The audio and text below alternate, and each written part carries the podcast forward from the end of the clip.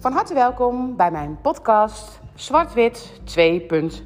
Nou, oftewel, de naam doet al vermoeden dat het goed kan zijn om eerst 1.0 te luisteren. En die staat onder gewoon zwart-wit hieronder. Dat is de podcast hiervoor. Toevallig, tussen aanhalingstekens van wat is toevallig, zit ik op dit moment in een zwart-witte fase. Nee, ik zit niet in een zwart-witte fase, maar wel in een nieuwe manier van kijken. Een manier die ik mijzelf al, die ik doe, zeg maar, die ik, uh, die ik mezelf eigen maak. Maar wel in een manier hoe ik anderen mee kan nemen in deze zwart-witte manier van kijken. Maar niet alleen zwart-wit, maar met alle kleuren die daartussen zitten. En hoe doe ik dat? Want het moment dat je kijkt naar kinderen op school en toevallig had ik daar een vraag over van iemand en daarom spreek ik deze podcast ook in. Maar het moment dat je kijkt naar een kind op school, wat op dit moment nou, tegen allemaal dingen aanloopt, dan is het goed om er een zwart of een wit van te maken. En hoe doe ik dat dan? Nou, het moment dat ik een kind zie, dan weet ik dat het kind alles in zich heeft. Want iedereen heeft alles in zich. Dus ik ga niet voor een diagnose. Ik ga niet voor een, nou ja, wat dan ook maar. Ik wil gewoon heel graag weten, wat is hetgeen wat bij dit kind een zwart-wit situatie is? Want het moment dat iets alle kleuren mag hebben, oftewel wanneer de lemniscaat, de draaiing tussen zwart en wit, helemaal oké is, dan is er geen dualiteit. Maar op het moment dat er iets niet goed gaat, dan is er een dualiteit. En natuurlijk kan het zijn dat kinderen eigenschappen hebben van vader of van moeder of van wat dan ook, wat, waar ze mee spaak lopen en waardoor ze een bepaald iets niet kunnen. Maar in principe, alles wat in balans is, zal geen problemen gaan geven in de klas. En ook geen problemen bij een kind.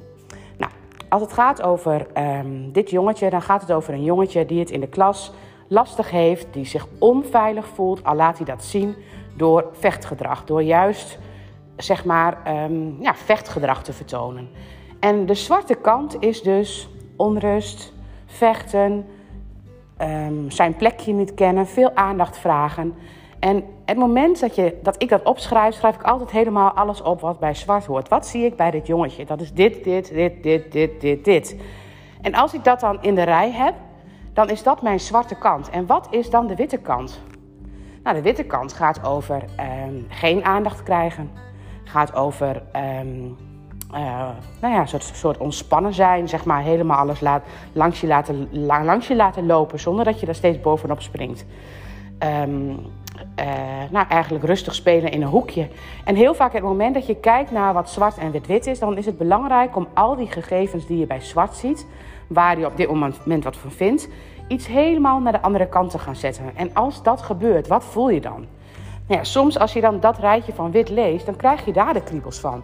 Dan word je er helemaal naar van. Je wilt, je wilt juist graag aandacht. En je wilt juist niet alleen spelen. Of je wilt juist niet. Dus dan kom je in een ander uiterste. En dat andere uiterste, daar kan hij dus blijkbaar ook niet tegen. Of dat lukt hem ook niet. Dat is ook een tweedeling. En wat we heel graag willen, het moment dat we kijken naar zwart, dan willen we heel graag wit.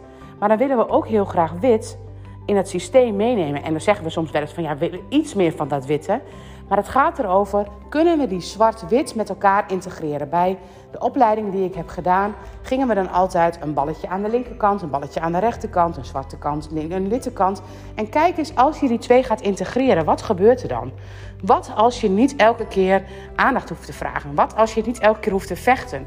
Wat als je niet elke keer dat hoeft te doen? En wat is die andere kant? Wat voelt daar? Dus het moment dat je die dualiteit erin hebt en je kunt een klein beetje afstand nemen, dan kun je zien wat voor lijn dat is en dan kun je ook zien wat deze dingen betekenen. Wat zit daarin voor laag?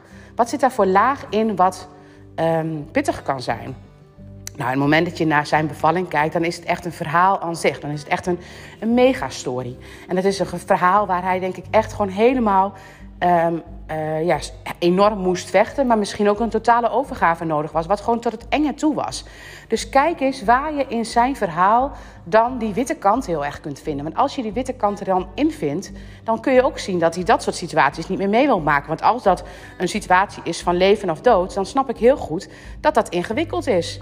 Dus probeer eens de beide kanten te zien en probeer dan eens te zien waar je deze koppeling vindt. Waarom is deze dualiteit ontstaan? En misschien zie je dezelfde dualiteit bij vader. Of misschien zie je dezelfde dualiteit bij moeder. En meestal zie je als een kind ergens mee worstelt, deze dualiteit zowel bij vader als bij moeder. Je kijkt naar de ervaringen in het leven, het stukje van vader, van moeder. Ook van drie generaties, daar zitten thema's op. En daar neem ik je altijd mee in de biologica, in de opleiding die ik geef, wordt dat helemaal uitgelegd hoe dat in elkaar zit.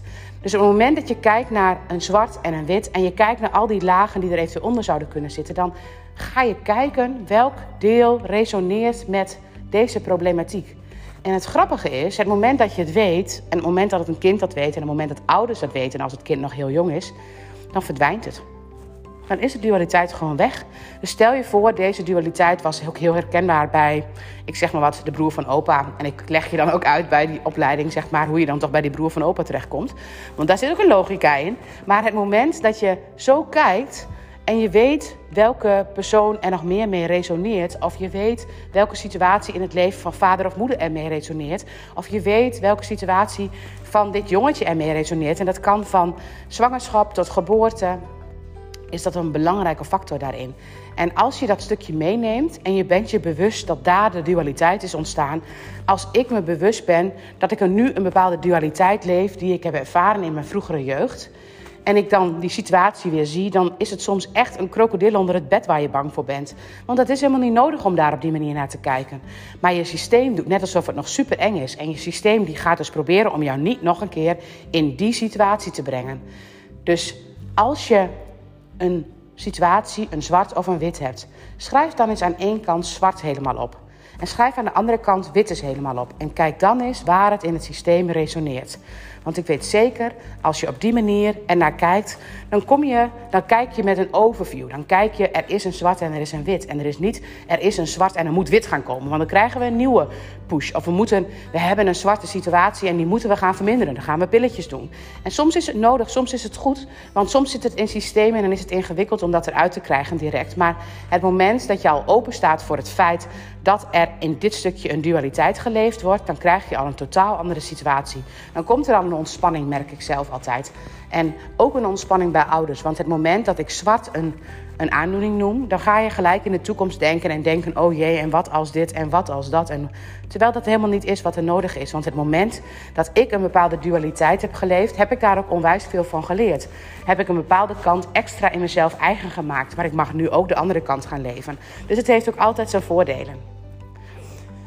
Dus wat ik met zwart-wit 2.0 wil aangeven. Schrijf als je tegen iets aanloopt bij je kind gewoon eens op een rijtje waar je tegenaan loopt. Loop je aan tegen boosheid? Loop je aan tegen.